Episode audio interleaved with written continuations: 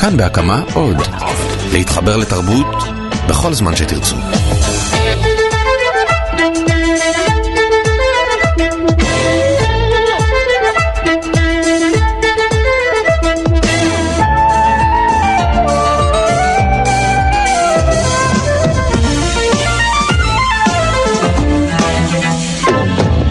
Uh, you know, I, I just love all your wild characters, Peter. But you know, backstage here, you can just relax and be yourself. Hmm. But that, you see, my dear Kermit, would be altogether impossible. I could never be myself. Uh, never yourself? No. You see, there is no me. I do not exist. I, I beg your pardon. There used to be a me, but I had it surgically removed.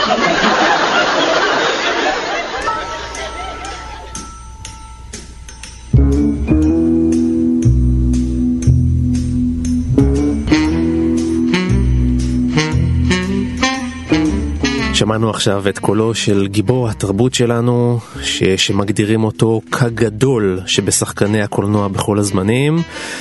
לא סתם שחקן, אלא כזה שמסוגל לגלם כל תפקיד, בכל זמן, כל הזמן, וכמעט אה, בלי הכנה בכלל.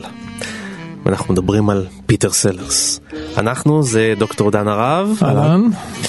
ודוקטור דוד גורביץ'. שלום לך. ואני יונתן גת, ואנחנו בדרך כלל מתחילים בזה שאני שואל אתכם אה, למה אנחנו מדברים על גיבור התרבות שלנו, ואתם אה, בדרך כלל נותנים לי את התשובה הראשונים.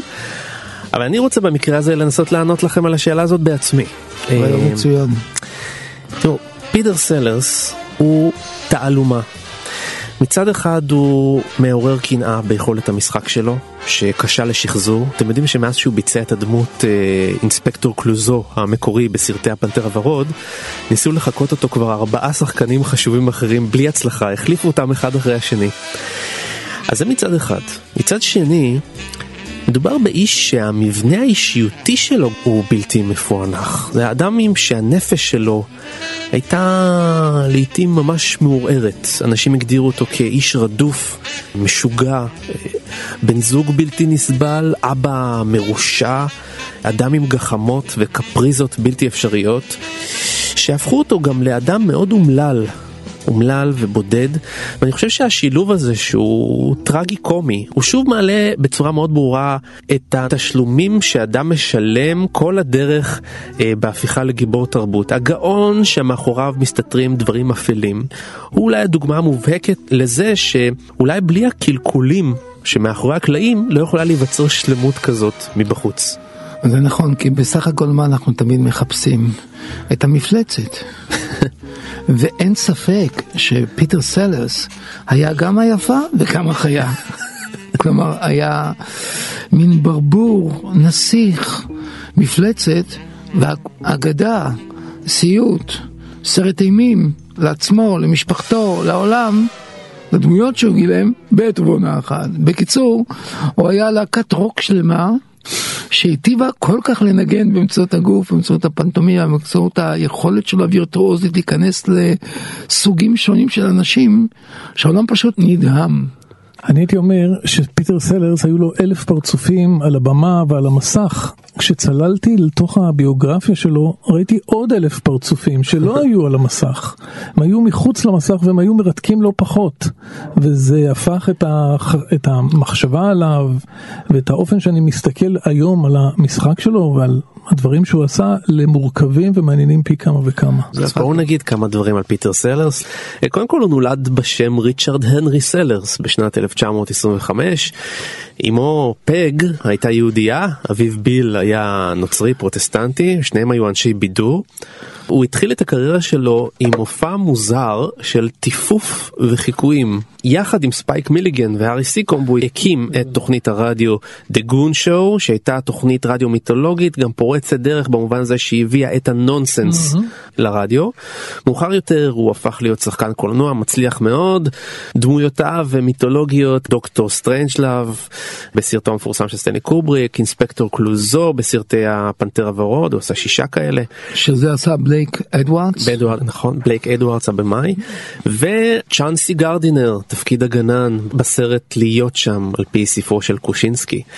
לצערנו הרב, פיטר סלרס האמין אמונות טפלות והאמין במתקשרים. למה, למה לצערנו? תסתכל בישראל, כולם מאמינים במתקשרים ואמונות טפלות. אני, אני אסביר לך למה. והם כי... מנשקים קמעות, אתה יודע. או, או, אני אסביר לך למה לצערנו, כי למרות שהוא היה חולה ועבר 13 התקפי לב, הוא נמנע מצנתור מציל חיים, כיוון שאחד המתקשרים שלו אה, הבטיח לו שיחיה עד גיל מאוד מבוגר. תשובה יפה. כן. פה נגמר רע. זה רע, כן, זה נגמר כן. רע. פיטר סלרס אה, נפטר ב-1980 אחרי התקף לב קטלני, כשהוא רק בן 54.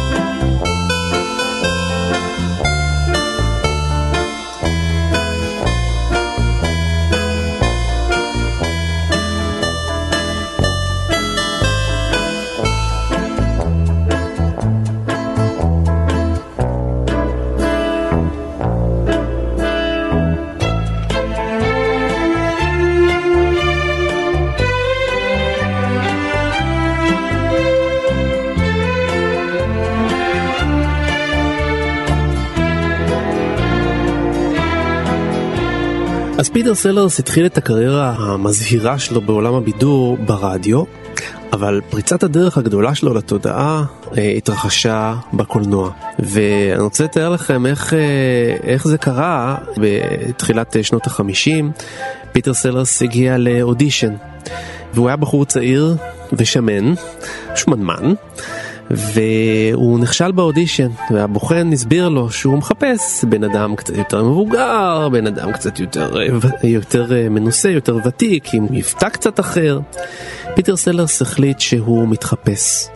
והוא הגיע לאודישן, לאותו אודישן, כשהוא לבוש בתור גנרל בדימוס אנגלי, ישיש צולע עם שפם ומקטורן, כאשר הוא מלהג באנגלית רהוטה עם מבטא כבד. והוא התקבל. ואז הוא חשף את עצמו כפיטר סלרס שנכשל זמן קצר לפני כן. ההפתעה שהייתה לבוחן הייתה כל כך גדולה, שפיטר סלרס באמת גם קיבל את התפקיד.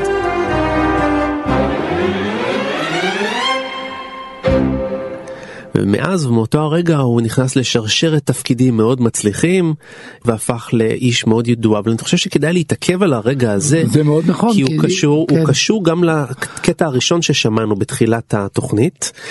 האדם שאין לו את הזהות של עצמו אלא הוא מלביש על עצמו זהויות התחפושת, שונות. התחפושת, כן. התחפושת כאני האמיתי שלו, התחפושת שממירים אותה כל הזמן בתחפושות חדשות בשרשרת אינסופית, מניסיון למוסס את האני לגמרי ולהפוך אותו לקרנבל של אפשרויות. Mm-hmm. זה ראינו בהתחלה, עונה, אני הסרתי את הגידול הזה ששמו אני מזמן כבר, I removed it. זה בעצם ערעור על המושג התחזות. אין התחזות, הוא לא מתחזה, הוא בעצם. הוא עצמו, ב, ב, ב, כשהוא מציג את עצמו כאדם בן 70, עם המקטורן וזה, הוא לא מתחפש עכשיו, אלא הוא בתוך תוכו, בעצם הוא לא מגלם דמות, הוא כרגע בדמות. אבל תראו איזה כמה זה מעניין גם מבחינה פילוסופית, אחרי זה גם כמובן בקריירה שלו הקולנועית, כי זה העיקר, אבל מבחינה פילוסופית הוא הציג לנו בתקופה מאוד מוקדמת, שנות החמישים, את המושג דקונסטרוקציה של הסובייקט. כן, כן. כאילו, הוא היה הרעיון החי שזה אפשרי, כן, לא היה בוא, לו אני. בואו נסביר מה זה לא דקונסטרוקציה. של דקונסטרוקציה זה הפירוק של האני, ההתפרקות, אין כבר אני אוטונומי שמורכב סביב עמוד שדרה מובהק שמייצג את האני, את הפילוסופיה שלו, את הפסיכולוגיה שלו. Mm-hmm. זה כל פעם מישהו אחר, אתה כאילו לא יכול להיכנס לנהר פעמיים, תמיד אתה אני אחר, אתה נכנס, יוצא, אני אחר, אתה בזרימה מתמדת. אין לך מסכה שמאחורי, המס... שיש להסיר אותה, שמאחורי יש פנים, כי מאחורי המסכה אין שום פנים אלא מסכה נוספת. זה היה פיטר סלרס. הדקונסטרוקציה שמזוהה בצורה פילוסופית עם דרידה ואחרים, היא כביכול באה 20 שנה אחרי זה, אבל הוא חי אותה, אם לא בצורה פילוסופית תיאורטית, הרי כפרקטיקה של חיים, כפרקטיקה של קולנוע.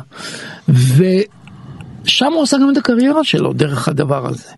משהו שנתפס אולי יכול להיתפס כפתולוגיה אישית, אי יכולת להאמין באני, חוסר מרכז, התמוטטות האני והבית, היחס לאב, שהוא היה כלומניק כזה בתפקיד האם היהודייה המסרסת והשתלטנית, שהייתה המאהבת האמיתית של פיטר סלרס, פגי הנצחית. אבל מה שאפשר להסביר אותו כפתולוגיה, כאילו פסיכולוגית, אפשר להבין אותו כפריצת דרך פילוסופית מוקדמת ולא מודעת של האיש. כן. החיים שלו סיפקו 20 שנה לפני התיאוריה, כאילו, כן, ניצנים זה- מקדימים שלו. זה, זה בהחלט יפה להסתכל על פיטר סלרס כמייצג של, של איזושהי מחשבה, כן, באופן. באופן תת מודע. אתה יודע, אנחנו יונתן עוסקים הרבה פעמים בשאלה של הזהות, הרי זה מה שעומד פה במרכז התוכנית שלנו תמיד לפצח את הזהות, ואנחנו מאמינים שיש זהות, כן, יש זהות אחת, ואנחנו רוצים להגיד, להבין מי היה האיש הזה, מי היה גיבור התרבות שלנו. בעצם אה, אנחנו בכלל חיים בתפיסת עולם כזאת של מבחני אישיות נגיד, והגדרת אישיות, ושואלים אותך מי אתה, נכון? תמיד ברעיונות שואלים, ומי אתה? בוא תגדיר לנו את עצמך. ובעצם הדבר שדוד אה, תיאר קודם זה ערעור מוחלט על כל האפשרות בכלל לעסוק בהגדרות כל כך מצמצמות וכל כך אה, אה, מוחלטות של, אה, של האישיות. כי אין דבר כזה בעצם, היא, היא מתפרקת כל הזמן, היא משתנה כל הזמן, היא זורמת כל הזמן, כמו שדוד אמר. לא יודע, אני שואל סטודנטים שלי, מי אתם? הם אומרים, טוב, אני ישראלי, אני תל אביבי, אני סטודנט. הם בעצם משתמשים בהגדרות לגמרי פורמליות, שהגדר... שהם לקחו אותם ממקומות אחרים. שהם לא אנחנו- מרגישים שום הם חיבור לא עם הדבר אישיות. הם לא כן. אישיות הגדרות האלה. אבל הם כן מרגישים, הם חושבים שהם צריכים את המושגים האלה כדי להגדיר את עצמם. לאומיות, גיל, מגדר וכן הלאה. דברים מה כאלה. לזה ולאישיות? מה לזה ולאישיות? האישיות צומצמה לכדי מערכת המושגים הזאת, אבל היא לחלוטין צריכה להשתחרר משם. וסלרס אמר את זה בגדול קודם. בדיוק, אני אומרת, אין לי אלא להחרות להחזיק אחרי דבריך שהם אה, כאילו אותה שרשרת. הנקודה המרכזית היא שהמציאות האמיתית שאנחנו חיים בה, זה אמר בהוגי דעות אחרים כמו סלבוי ז'יז'ק ואחרים, זה המציאות של הפנטזיה, כן. זה המציאות שבתוכה אנחנו חיים, לא המציאות הבורגנית, אני בתל אביב, אני לאום, אני ישראלי, אני יהודי, יש לי זה, אני כזה, אני סינגל, אני, אני נשוי, לא נשוי, מה, מה העדפות שלי התרבותיות וכיוצא בזה, זה, זה, זה, זה דברים שמעל פני השטח, זה חלוקות סוציולוגיות של בעלי, של טורים לשעממים. הנקודה היא, אתה הוא סכום הפנטזיות שלך. האיש הזה, מגיל אפס הגשים את הפנטזיות שלו, תהנו מהסימפטום- חי אותם, תהנו תהנו מהסימפטום. מהסימפטום, הוא לימד אותנו ליהנות מהסימפטומים. אימא שלו לימדה אותו, ולא הייתה לו ברירה, ליהנות מהסימפטומים שלה ושל המשפחה ושלו. אימא קשה ביותר, וכמובן אוהבת ביותר ומחבקת ביותר ואמביציוזית ביותר, כל הזמן דוחפת את הילד הזה, ממש האימא היהודייה הקלאסית, למרות שהם, היה ניסיון להדחיק לגמרי את כל המומנט היהודי, בכלל מכל הביוגרפיה שלו, ולגמרי לגמרי לבדל את עצמו משם, עדיין זה זה, האימא היהודייה הטורפנית, הקרייריסטית, שעוד דוחפת את בנה להגיע לאותן הצלחות שלא הגיעה, היא הייתה גם כן איזה מין, אה, אומנית. שאומרת לו עם מי כדאי להתחתן והיא מאשרת לו את הכלה החדשה והיא שלו. אומרת לו כדאי לך לעזוב אותה וזה שום דבר תמצא אחרת ותמצא ותתקדם והיא זאת שנמצאת על הקו כל הזמן כשהוא נמצא ב- באיזה הפקה יוקרתית וגם בהוליווד. שהיא כבר לא חיה היא בדיוק. עדיין על הקו. הוא עדיין מתקשר. איתה. הוא מתקשר איתה, כשהוא מדבר איתה, אתם יודעים מה הוא אומר לה? והוא מחפש אצל נשים אחרות את הדמות שלה. כן. שזה אחד הדברים אבל המעניינים. אתה יודע מה הוא אומר לה יונתן? אה, באחת מה- מהדוגמאות הוא מצלצל אליה הביתה אז הוא אומר לה אמא מה נשמע בחזית? היא הגנרל, מי נמצא בחזית? הגנרל שמנהל חדר המלחמה, שם זה המוח.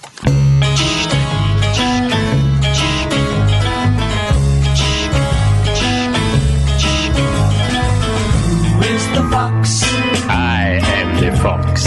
Who are you? I am me. Who is me? Me is a thief. Oh.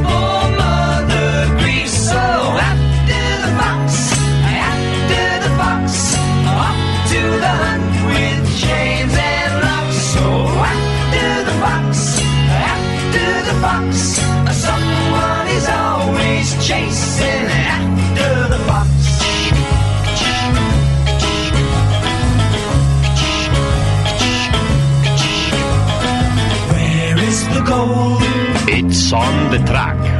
Where's the truck? Ah, I won't tell. You must tell. Then I will lie. You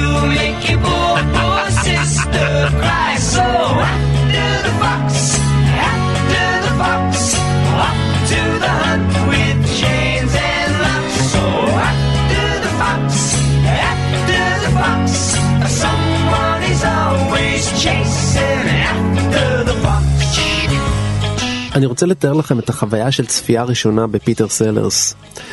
אני חושב שזאת פעם ראשונה שראיתי שחקן שאיבדתי מושג את מי אני בדיוק רואה. אני לא רואה שחקן.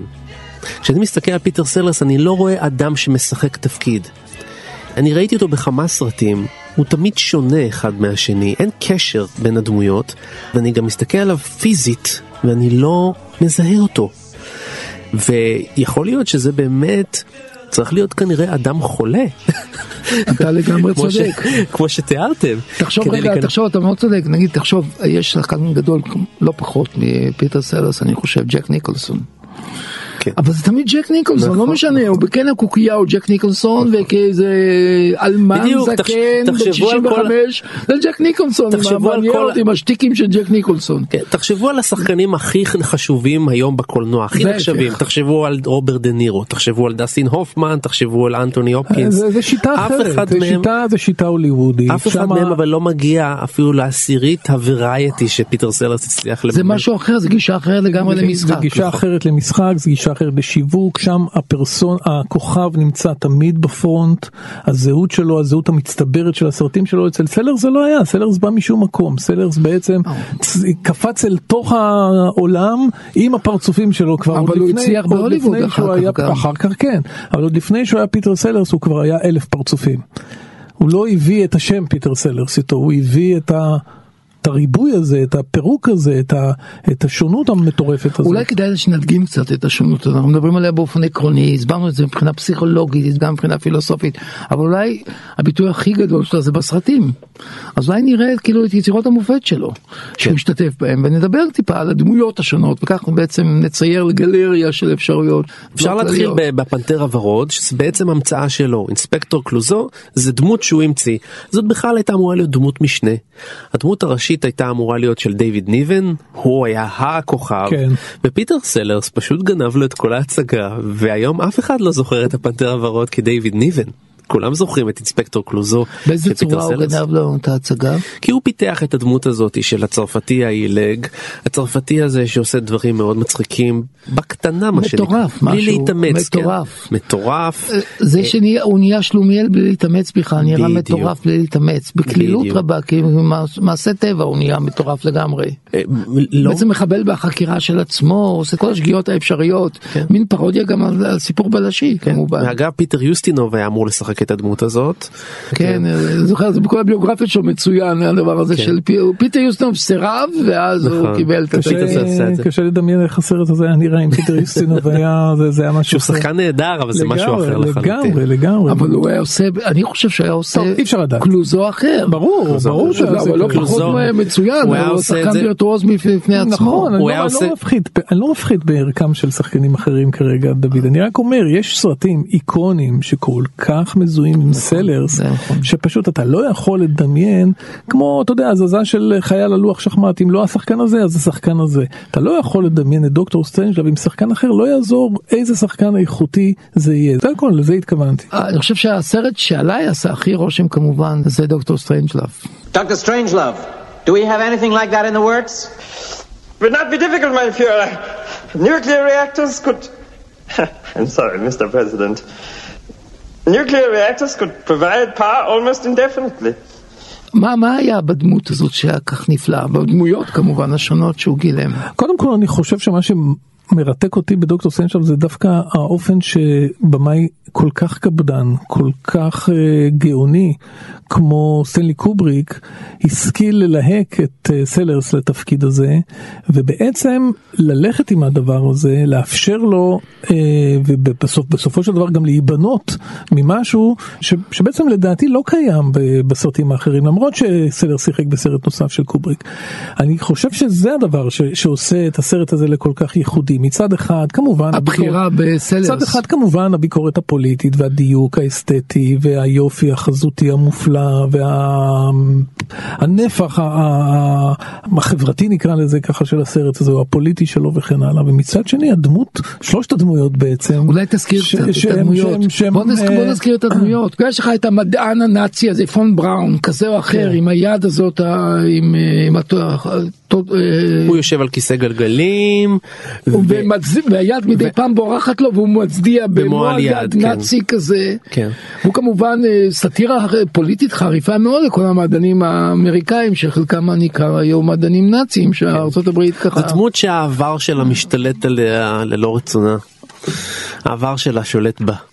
אוקיי, זה מעניין. גם מה דמות. מורכבת כי גם הוא משחק שלוש דמויות אבל הדמות הזאת של דוקטור סטרנג'לב היא גם כן שתי דמויות שנאבקות אחת בשנייה. זאת אומרת גם פיצול אישיות בתוך הדמות אישיות, כן. עצמה זה פשוט פיצול אינסופי זה מין סוג של מיוזה כזאת יש כזה בתחום הביולוגיה מיוזה. זה תא שמתפצל כל הזמן מעצמו.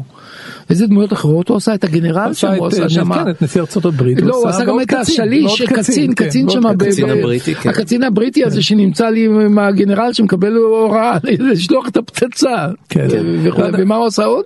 הוא עשה את זה, שלוש, הדמויות. ואת הנשיא עצמו. את הנשיא. את עצמו. כן. ואתה יודע מה שמעניין עכשיו פתאום כן. אני חושב על זה לא אני מודה שלא חשבתי על זה קודם שהעובדה שאותו שחקן למרות שקשה בשנייה הראשונה בפעם הראשונה שאתה צופה בזה קשה קשה להבין שזה בעצם אותו שחקן עושה את שלושת התפקידים האלה אז בעצם. שלושת הדמויות האלה מתערבבות לך בתודעה מעבר לעובדה שזה הפגנת משחק גאונית של סלרס זה בעצם הקצין הנאצי נשיא ארצות הברית והקצין האמריקאים הם מתערבבים באיזשהו אופן והופכים להיות אחד זאת אומרת כאמירה פוליטית כאמירה נכון מאוד, פוליטית על, נכון מאוד. על, על טירוף על, על, על יציאה משליטה על, על, על הטירוף על- של הכוח, כן. אני חושב, כי כן. מה שמחבר בין שלושת הדמויות זה הכוח, הכוחניות. ופיטר סלרס. הנשיא, ופיטר סלרס. ופיטר סלרס שגם אותו מחבר את הכוחניות, הוא כן. שחקן נורא כוחני, הוא מנהל משאים ומתנים מאוד נוקשים. אדם רודף בצע ממדרגה ראשונה, כן. ומצד שני מחפש איכות שקספירית בכל דבר, ומין עילאיות, מין סדרה של פרדוקסים שאתה בכלל כן. לא יכול להבין לא אותם. רק משאים ומתנים כספיים, הוא, היה, הוא לא הסכים למשל שאורסון וולס יצטלם כן, איתו באותו כן, פריים, כן, כל כן. מיני קפריזות. משונות. מה מה? לא לא ברור לא, הוא לא, לא רצ. הוא לא רצה שיהיה כוכב אה, גדול. שיאפיל עליו, לא רצה, כן, זה לא רצה באותו פריים. זה מין, זה מין אהבה עצמית אינסופית. עכשיו תחשוב רגע, שהפיצול- גדולה, חרדה נכון, גדולה. גם, אבל תחשוב, נכון, החרדה היא ברורה, אין אני, אין מרכז, זה עולם לגמרי צף. אבל העוצמה החזקה זה אני כל יכול, אני יכול להיות הכל, אני, אני אומניפוטנטי. כן. אני אעשה את כל הדמויות, אני אהיה בפריים, אני אהיה הכוכב, אני העולם, אני, אני, אני, אני, אני, אני המאהב. ארבע נשים מהיפות ביותר, נכון? אני מכיר את ברית אוקלנד, אתה בטח כן, מכיר גם את האחרות, אה, כי- אתה נראה לי פה לצורך התוכנית הביוגרף הרשמי שלו, ואני מרגיש שאני מראיין אותך בכלל על. הדבר הזה, בנוסף למרואיין שיהיה לנו בהמשך, אבל אה, הכוח, זה מה שהוא רצה כל הזמן. הוא לא צמח במקום של כוח, במקום די ממוצע, ממוצע ליהודי, זה לא המקום הזה שהיהודים הם לא נחשבו לאליטות בשום מקום. הוא כל הזמן רצה לצאת מאותו מקום של אלמוניות, של חוסר כוח ולהגיע לשליטה. זאת מילת מפתח. לא פלא שהוא כל כך אה, גילם בצורה מוצלחת גם את הדמויות שעניינן שליטה וגם את הפרודיה על הדמויות האלה שעניינן שליטה כמו המפקח קלוזו שזה כאילו הצד הקומי כן. של המניאק הזה שרוצה כל הזמן לשלוט. תחשבו על זה שפיטר סלרס כל הזמן ה statement שלו אמר אני גם וגם וגם וגם ואני יכול לעשות גם את זה וגם את זה וגם את זה ובסוף לא נשאר שום דבר. מה אתה מתכוון? זה זאת אומרת שבסופו של דבר אני הוא מצטרף עצמו, לשאלה מה אתה הוא- מתכוון? הוא עצמו על פי הביוגרפיה שלו היה בן אדם שהרגיש הרבה מאוד ריקנות והוא היה מדוכא והוא היה אה, הרגיש אז זה לא אה, שלא נשאר שום דבר אלא שהוא לא ידע ליהנות מההצלחה שלו בכלל. הוא היה אדם דיכאוני. זאת לא, אומרת, אני חושב שיונתן מדבר על משהו אחר. אני חושב שבתוך תוכו סלרס באמת האמין שאין לו מה לתת כפיטר סלרס. זאת אומרת בסדר, שהוא זה- לא- זה שהוא- בדיוק שהוא- הדיכאון שהוא- שלו. שהוא לא נכון, יכול נכון. בעצם לגלם את ה... הוא לא יכול להיות הוא עצמו כי- כי כי באמת אין עצמו דיברנו על זה קודם. אה, ש- שהוא אמר זה ב- מצב ב- מחריד. באיזשהו ראיון הוא אמר אני על הבמה זה הדבר המשעמם ביותר אנחנו אוקיי. יודעים שהוא על הבמה זה דבר מחריד. לדעת שיש לך חיים רק על הבמה, רק עם הפרצופים, רק עם הדבר, וכשאתה חוזר ו- כן. ומוריד את ה- את ה- את התלבושת ואת המסכה ואתה מנהלי הבית, או. לא נשאר כלום, הוא מתאדה. הוא גם. אמר שהוא לא טורח לראות את הסרטים, הוא נהנה רק מעצם העשייה, כי שמה הוא מגלם. שם הוא מגלם. כשהוא יושב בקהל וצופה בסרט הוא כבר, הוא כבר לא שם. ההנאה שלו נרקסיסטית יותר קטנה, שם כן. הוא כאילו חי את התפקיד, מגלם אותו בעת ובעונה אחת, חושב עליו ומסתכל עליו תוך כן. כדי ביצועו.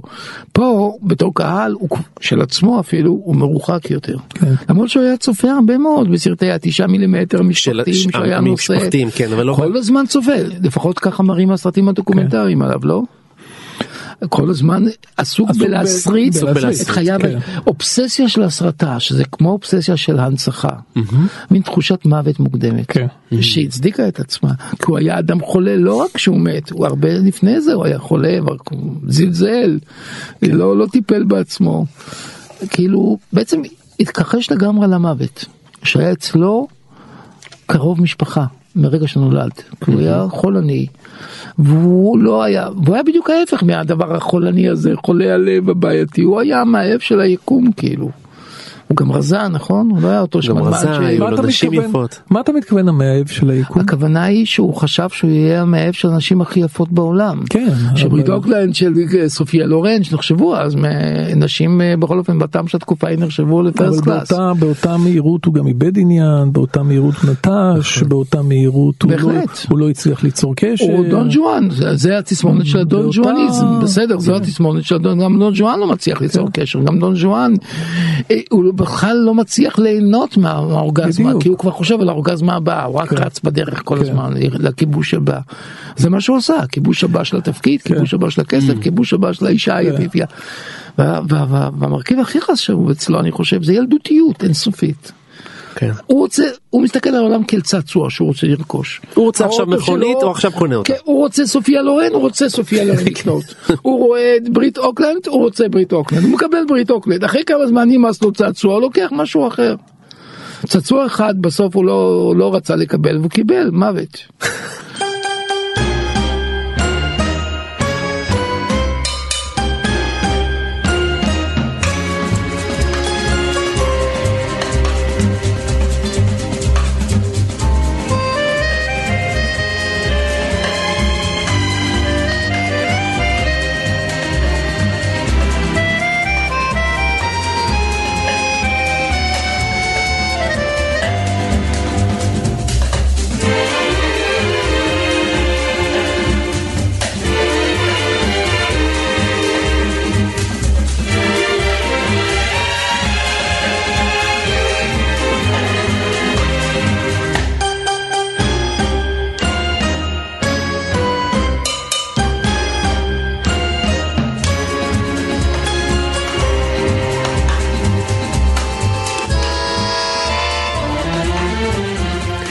ואיתנו נמצא אה, אדם שהוא לא רק שחקן מצוין וקומיקאי מעולה, הוא לא פחות ולא יותר הופיע עם פיטר סלרס אה, בסרט אה, The Great מקונגל ב-1975.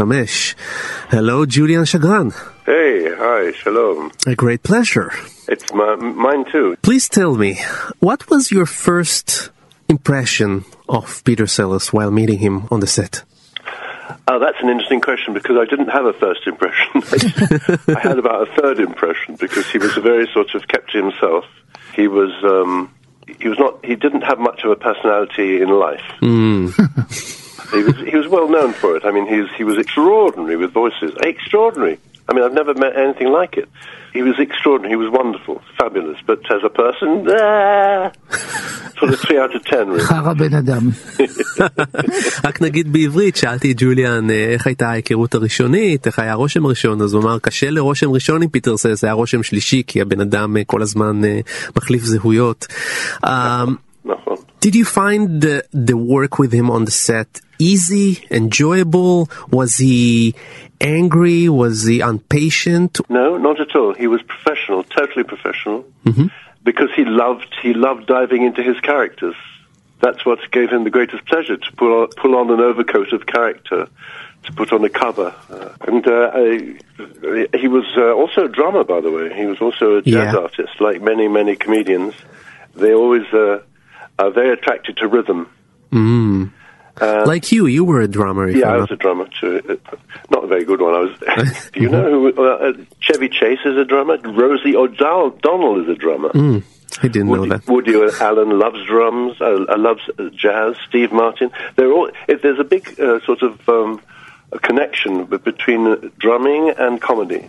אז רק שאלנו את אה, ג'וליאן אה, איך הוא אה, חווה את פיטר סלרס אה, על הסט, האם הוא היה אה, כועס, חסר סבלנות, אז הוא אמר שלא, היה מאוד מאוד מקצוען, והוא גם הרגיש את היכולת הקצב שלו על פי אה, גם אה, מהרקע שלו כמתופף. Julian, hi. Hey. We were talking about uh, Sellers' biography before, and I would like to ask you: Do, do you think that his uh, biography, his background, is kind of a condition in order to become such a such a clown? You know, this expression, the sad clown or the lonely clown, is it a, a condition? Do you have to be in? Oh, well, that's a very interesting question. Um, because I've always thought that uh, clowns are not sad; they're angry. Okay. Most, if you look at John Cleese, for instance, uh, he, he typifies the angry comedian. They're angry. They're angry, but it's not socially acceptable to be angry. So to be sad, yes, you could be sad, because that's that's socially acceptable. But anger, no, no, no. But in fact, everyone, every comedian I've ever met had a, a dark strand of anger running underneath it, and that's what gave them their uh, energy. It was the anger. אז, אז שאלנו את ג'וליאן האם הוא חושב שהביוגרפיה הטראגית של פיטר סלרס אה, מבחינה של כאבי הנפש שלו הם אה, תנאי הכרחי בלהיות קומיקאי טוב, הוא אמר שלא, אבל הוא חושב שכעס מצטבר מאחורי הקלעים הוא ללא ספק משהו שמאפיין הרבה קומיקאים. Did you, did you see the moment when Peter Sellers get into the character? Did you No. observe this? He he changed gears so quickly that you couldn't tell. Uh-huh. He was he and his his Queen Victoria voice, by the way, I have to say, is one of the best voices I've ever heard. Vicky, why are you always wearing black? well, you haven't been looking so well recently, Albert. that was the line. but I also Great. played another 16 parts in in, in McGonagall. Oh, yeah. Did you have any uh, comments from Peter Sellers himself? No, no, he he wouldn't be interested in anybody else. Yeah. Only about himself? Um, I I just was sitting there in in, uh, sort of worshipping. Julian, thank you so much being with us. Oh, it's so nice to talk to you, Jonathan. Thank you so much. Thank you.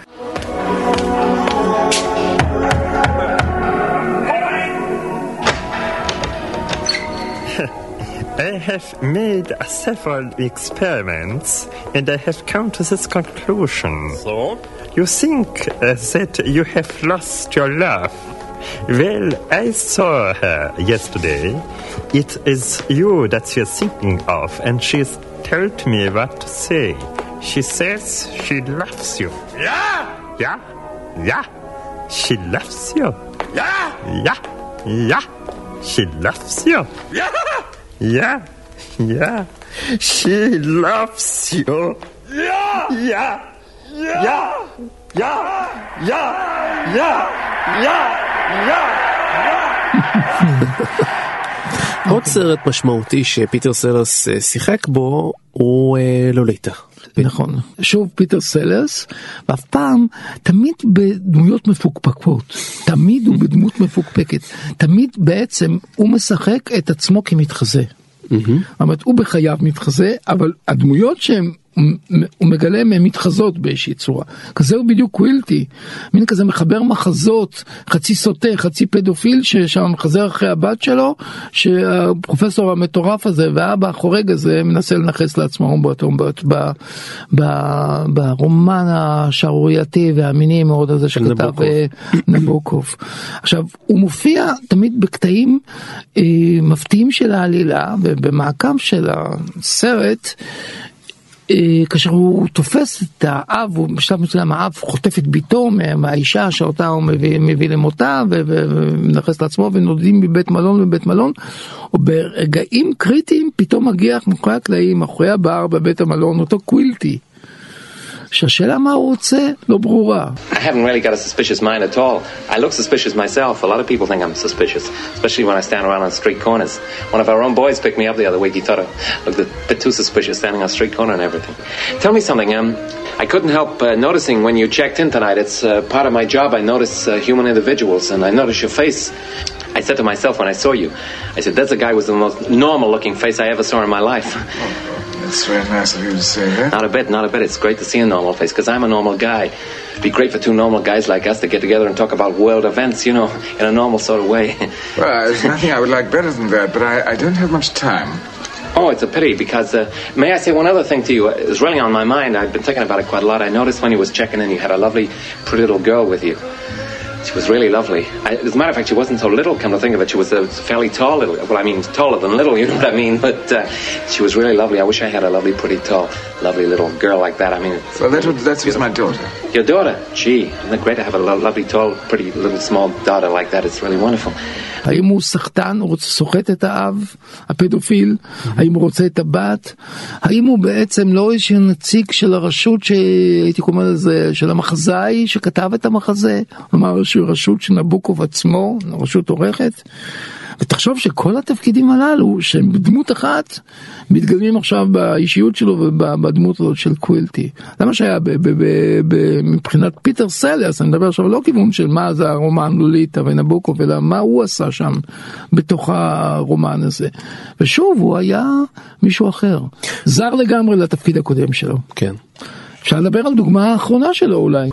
להיות שם נכון. של אה, בבימויו של הל אשבי. שזה כבר 1980. 1979 ליתר דיוק. 79. זה תפקיד שפיטר סלרס מכוון אליו כבר אה, תשע שנים, אה, נוקש על דלתו של הסופר קושינסקי, באמת? כן, ממש אוקיי. אה, מתחנן לבצע את התפקיד והוא לא מקבל אותו, ואגב הוא מאמין שהוא יקבל את התפקיד הזה אחרי שהוא יחזור לעשות את הפנתר הוורוד, ואז שמו כאינספקטור קלוזו שוב יהיה שם עולמי, וכך קושינסקי אולי בכל זאת יבחר בו לשאת את התפקיד הראשי של הסרט. נכון, מה שמעניין, הת- מה, מה שמעניין בתפקיד הזה זה כמובן להבין א' את הדמות הזאת של הדמות שהוא מגלם. אז רק נגיד זה גנן, גנן, גרדינר, גרדינר. טיפש, אה, לא שאומרים- טיפש, אפילו חסר תודה, חסר מפגר, תודה, כן. אדם שלא לא יודעים מאיפה הוא בא, איפה הוא נולד, כמעט כמעט הגבול- חסר זהות. כל זהותו. וכל השכלתו, מאיפה? מהטלוויזיה. מהטלוויזיה. מהטלוויזיה. כן. ובזכות הזכות הזאת בטלוויזיה, הוא פשוט לומד כאילו כזה מה שנקרא ליפ סרוויס, מה אנשים מגמגמים ומדברים בטלוויזיה, הוא יודע להגיד את המילים שאומרים בטלוויזיה.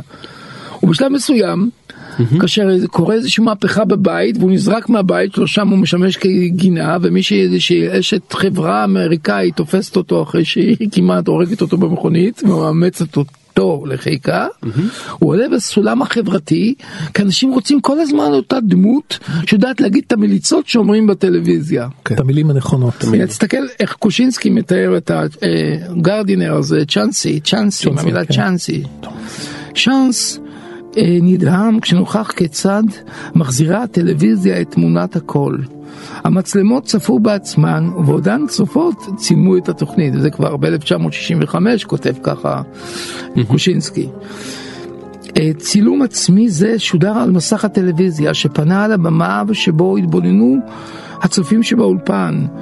מכל המוני הדברים שראה שאנס בעולם, עצים, צ'אים, פרחים, טלפונים, מקלטי רדיו, מעליות, רק הטלוויזיה החזיקה תמיד מראה בידה, ובה השתקפו פניה שאינם מוצקים ואף אינם נוזליים.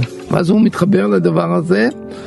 הוא- והוא חושב, הטלוויזיה משקפת רק את חיצוניותם של בני אדם. היא מקלפת וחוזרת ומקלפת את דמותם מעל גופם, עד ששוקים הם אל תוך עיני הצופים, נשארים שם לעולם כתדמית. ושוב, אי אפשר להרחיקה משם.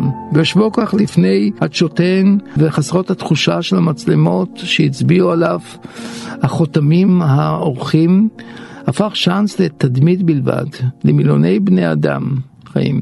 ואז הוא לומד, מהגננות שלו מתחיל להופיע בטלוויזיה, מתקדם, והוא אומר כל הזמן את המשפט הזה, אומרים לו, מר גרדינר, מה יש לך לומר על מצב האומה, כי יש בעיות? אז הוא אומר, יש תקופות של צמיחה ויש תקופות של קמילה. כן. אחרי החורף יש בריחה. מגיע האביב, אחרי האביב מגיע סתיו, ושוב, אלה החיים, יהיה בסדר.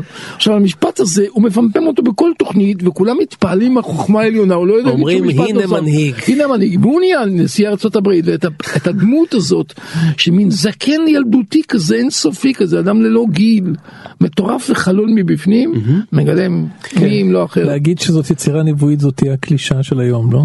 כן, זה כאילו מחדד לנו כבר בקצה האצבעות להגיד את המילה about Donald Trump. In a garden, growth has its season. First comes spring and summer, but then we have fall and winter. And then we get spring and summer again.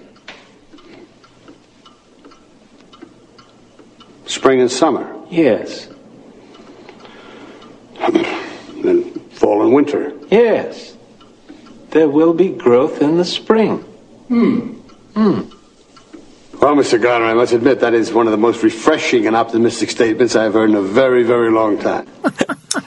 ואני אגיד לך יותר מזה, הסופר קוז'ינסקי אמר שכשהוא ראה את סלרס עושה את הדמות אז אמרו לו אה פיטר סלרס ממש עושה את אה, צ'אנסי גרדינר שלך נכון? אז הוא אמר לא חברים אתם לא מבינים. פיטר סלרס הוא צ'אנסי גרדינר. הוא לא נכנס לנעלי הדמות. הצ'אנסי גרדינר שלי הוא פיטר סלרס. כן. הצ'אנסי גרדנר שלי נכנס לפיטר סלרס. נכנס לפיטר סלרס. הבנתי. אגב זה גם נורא מעניין, צ'אנסי גרדינר הוא באמת אדם בלי זהות.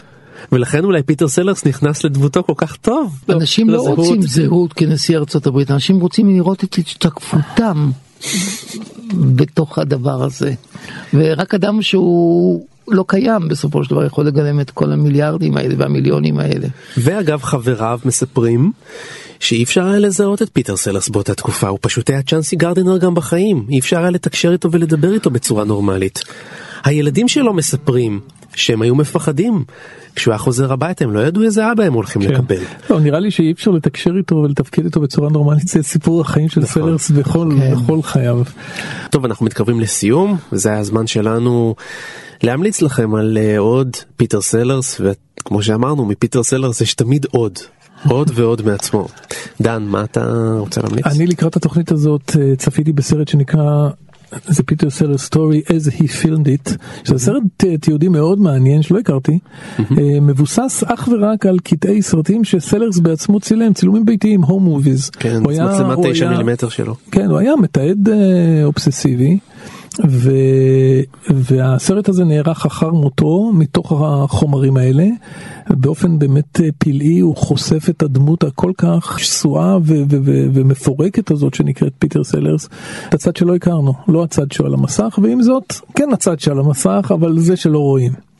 יש סרט אה, בדיוני, אה, סרט של סטיפן הופקינס, החיים על פי פיטר סלרס. סרט עלילתי על חייו. כן, סרט אה, יפה, נחמד, לא מבריק, לא משהו, אבל הייתי אומר מדריך מאוד נאמן לחייו, מהתחלת דרכו בלונדון, על התיאורים הססגוניים, על האימא שעד יום מותה כן לא הרפתה ממנו, מזכירה קצת את האימא היהודייה הזאת של וודי אלן בניו יורק שלו, שהיא מרחפת עצומה בחלל, היא הייתה בדיוק כזאת פגי.